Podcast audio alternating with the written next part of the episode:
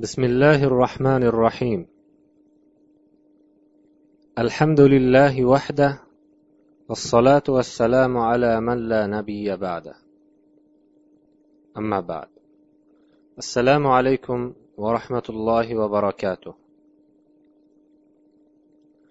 aziz va muhtaram musulmon birodarlar bugungi darsimizda tahorat fazilati haqidagi bobda zikr qilingan navbatdagi hadislarning sharhlarini davom ettiramiz. وعنه أن رسول الله صلى الله عليه وسلم أتى المقبرة فقال السلام عليكم دار قوم مؤمنين وإنا إن شاء الله بكم لاحقون وددت أنا قد رأينا إخواننا قالوا أولسنا إخوانك يا رسول الله قال أنتم أصحابي وإخواننا الذين لم يأتوا بعد. قالوا كيف تعرف من لم يأت بعد من أمتك يا رسول الله؟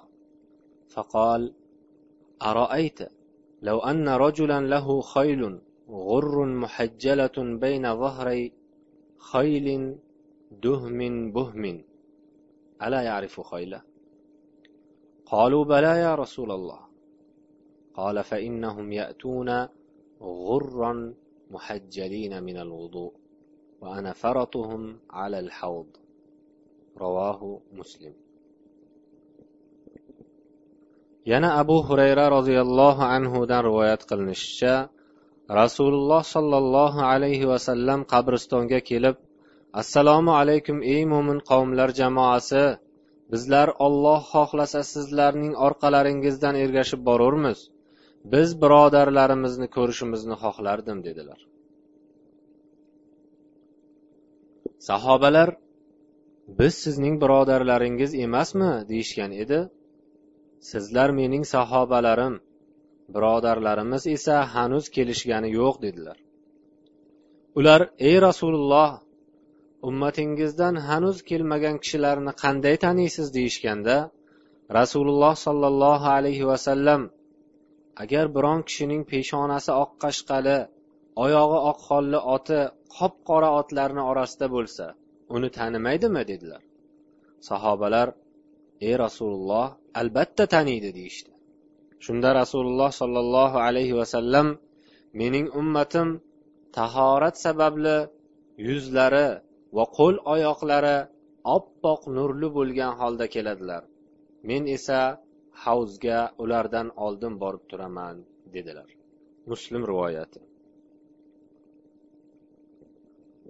Ushbu hadis ham oldin o'tgan hadislar singari tahoratning fazilatiga dalolat qilish bilan birgalikda qabrlarni ziyorat qilgan vaqtda nima deyishlik kerak ekanligi payg'ambarimizni ko'rmasdan u zotga iymon keltirgan mo'minlarning fazilati va payg'ambarimiz sollallohu alayhi vasallamning oxiratdagi havzlarini zikrini ham o'z ichiga olgan.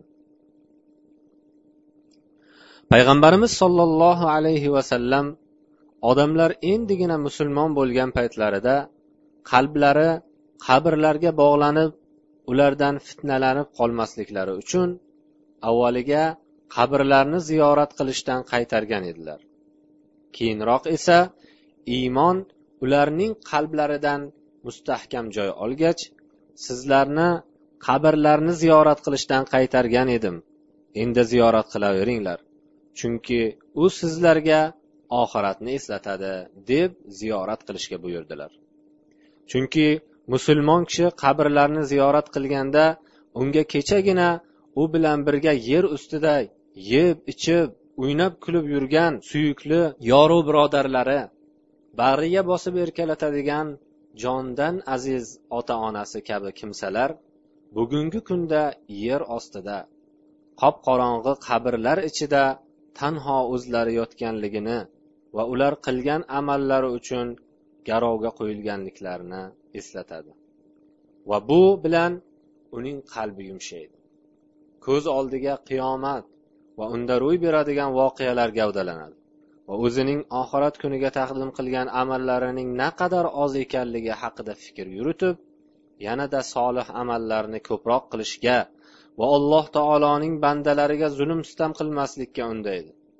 Holbuki tongda biz bilan salom alik qilgan ba'zi insonlar kechga borib ular uchun qachonlardir qazib qo'yilgan ikki enlik qorong'i bir chuqurdan o'z joylarini egallashlari shuningdek kechasi biz bilan suhbatlashib go'yoki o'zini juda uzoq umr ko'radigandek tasavvur qilgan ba'zi yoru birodarlarimiz tongga kelib oyoq qo'llarini o'zlari qimirlata olmaydigan jonsiz murdaga aylanib qolishligi bizlarga biz ham bir kun kelib shularning holiga tushishimizni va o'shanda bizga ham faqat qilgan amallarimizgina hamroh bo'lishligini eslatishga kifoya qilmaydimi?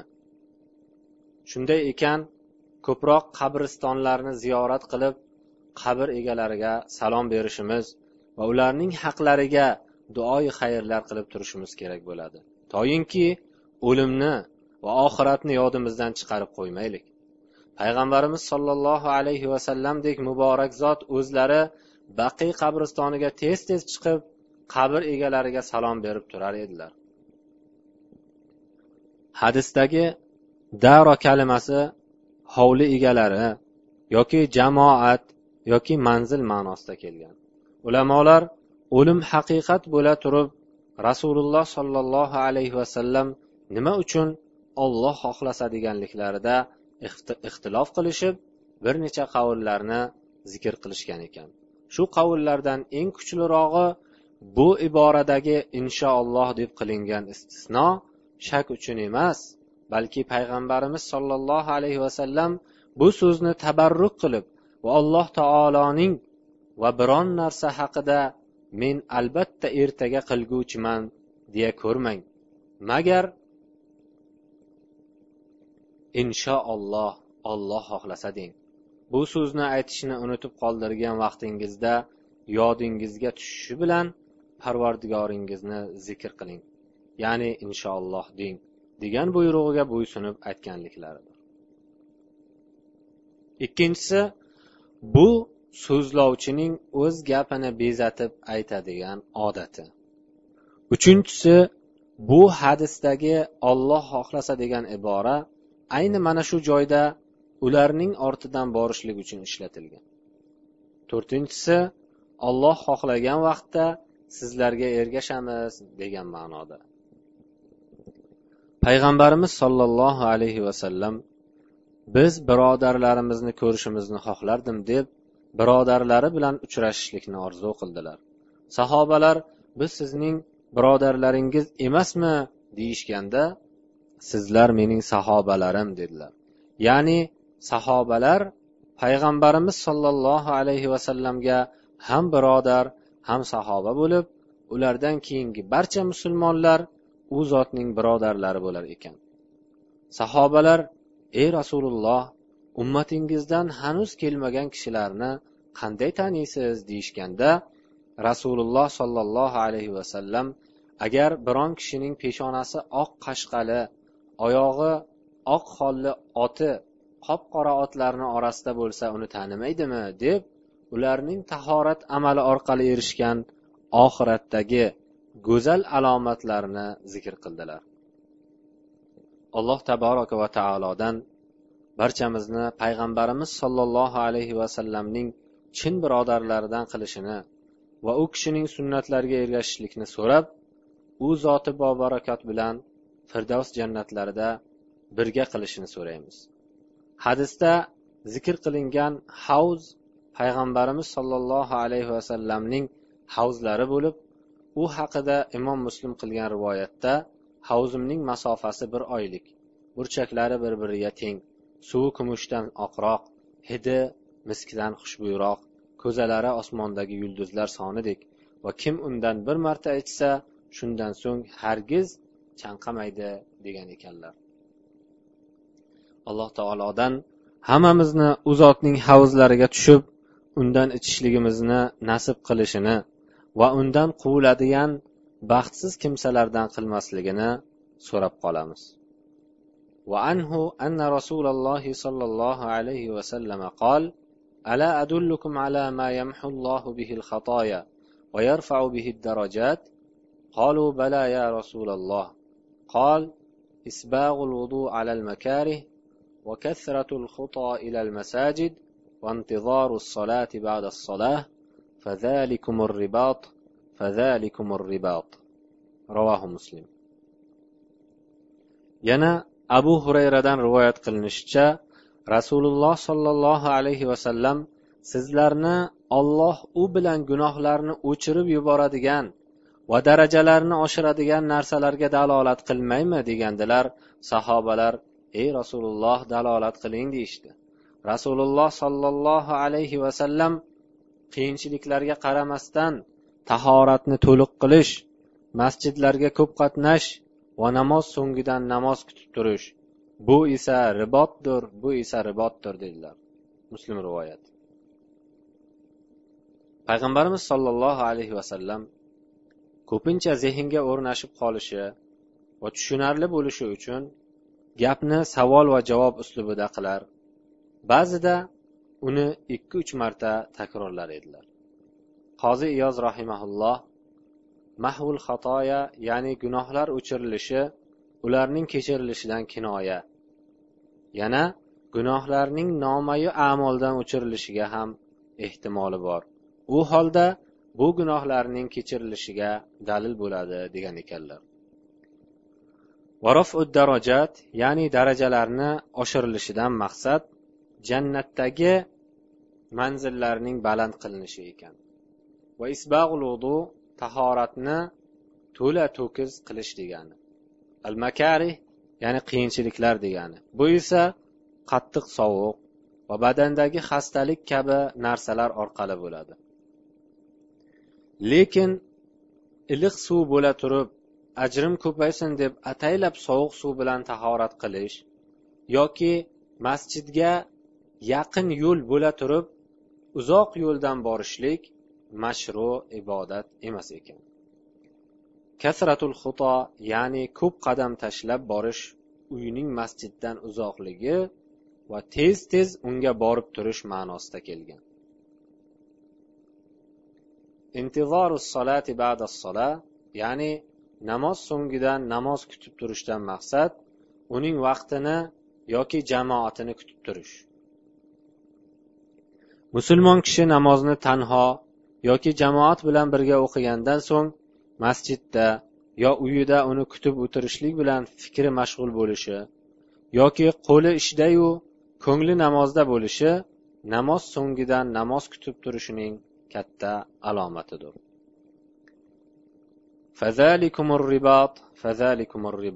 Ya'ni bu targ'ib qilingan ribotdir ribot aslida bir narsaga o'zini bog'lab qo'yish degani.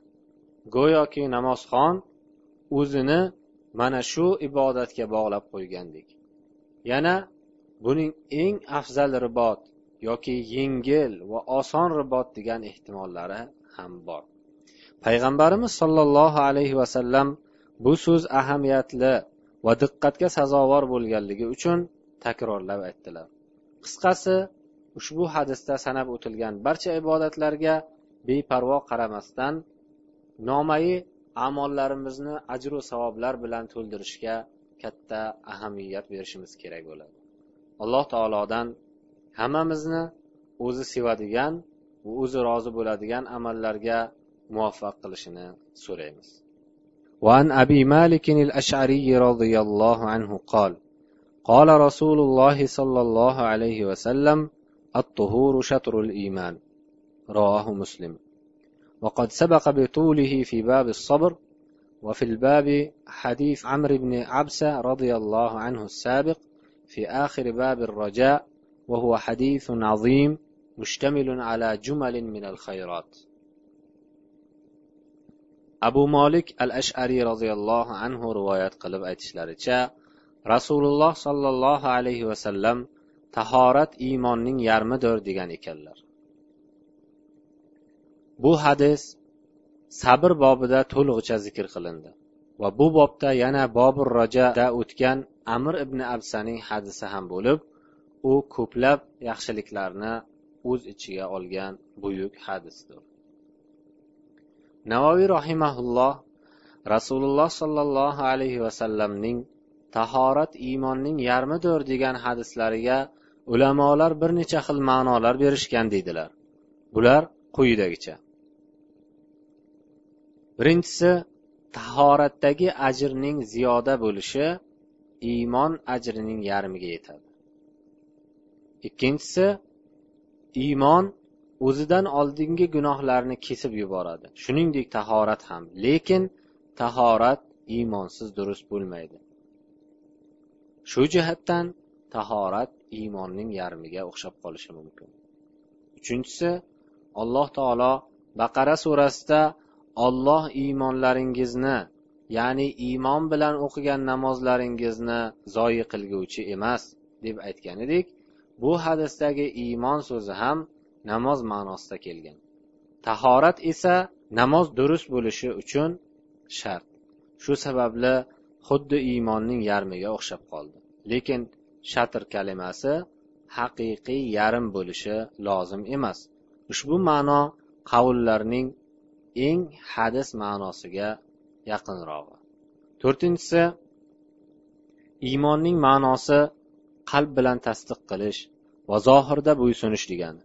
Bu esa iymonning ikki bo'lagi. Tahorat esa namoz mazmunini o'z ichiga oladi. Vaholanki namoz zohirda bo'ysunishdir.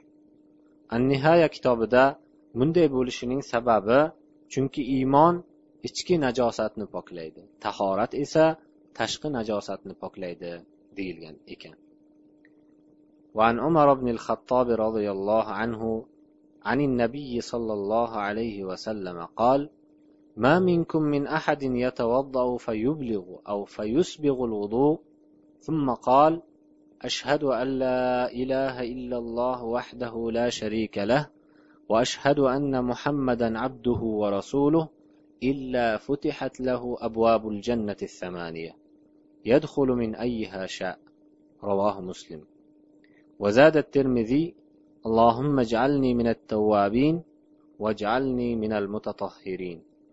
umar ibn xattob roziyallohu anhu rivoyat qilishlaricha payg'ambar sollallohu alayhi vasallam qaysi birlaringiz tahoratni komil qilib so'ng ashhadu an la ilaha illalloh vahdahu la sharika lah va ashhadu anna muhammadan abduhu va rasuluh desa unga jannatning sakkiz eshigi ochiladi.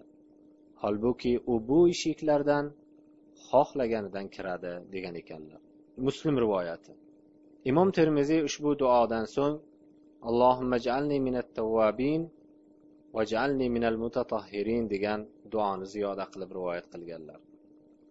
Aziz va muhtaram birodarlar alloh taoloning bizga bergan ne'matlariyu qilgan ehsonlarini sanab sanoga yetib bo'lmaydi. Buning uchun unga beadad hamdu sanolar bo'lsin. Islom ummati barcha ummatlarning eng oxirgisi bo'lib ularning yashaydigan umri boshqa ummatlarnikidan qisqa bo'lishiga qaramasdan olloh ularga shunday ko'p fazlu ehsonlar qilganki mana shu ehsonlardan biri ularning ozgina qilgan amallariga ulkan ajru savoblar berilishidir. Ushbu hadisda ham o'shanday ulkan savoblar beriladigan amallardan biri zikr qilinmoqda. Hadisda aytilishicha musulmon kishining qilgan yengilgina amalini olqishlab jannatning sakkiz eshigi ochiladi. Lekin u ko'proq qilib tanilgan amal eshigidan kiradi.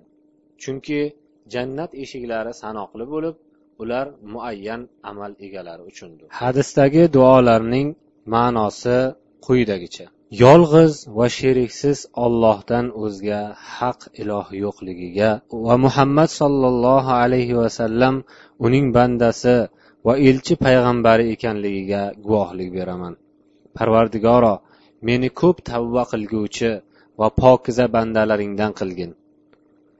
Aziz birodarlar shunday ekan bu kabi amallarni qilayotgan vaqtda unga berilajak ajru savoblarni ko'z o'ngimizga keltirib bizga ato etgan ne'matlariga shukur qilib ularni mukammal ado etishga harakat qilaylik. Alloh taolo barchamizni o'zi sevgan muvaffaq bandalaridan qilishini so'raymiz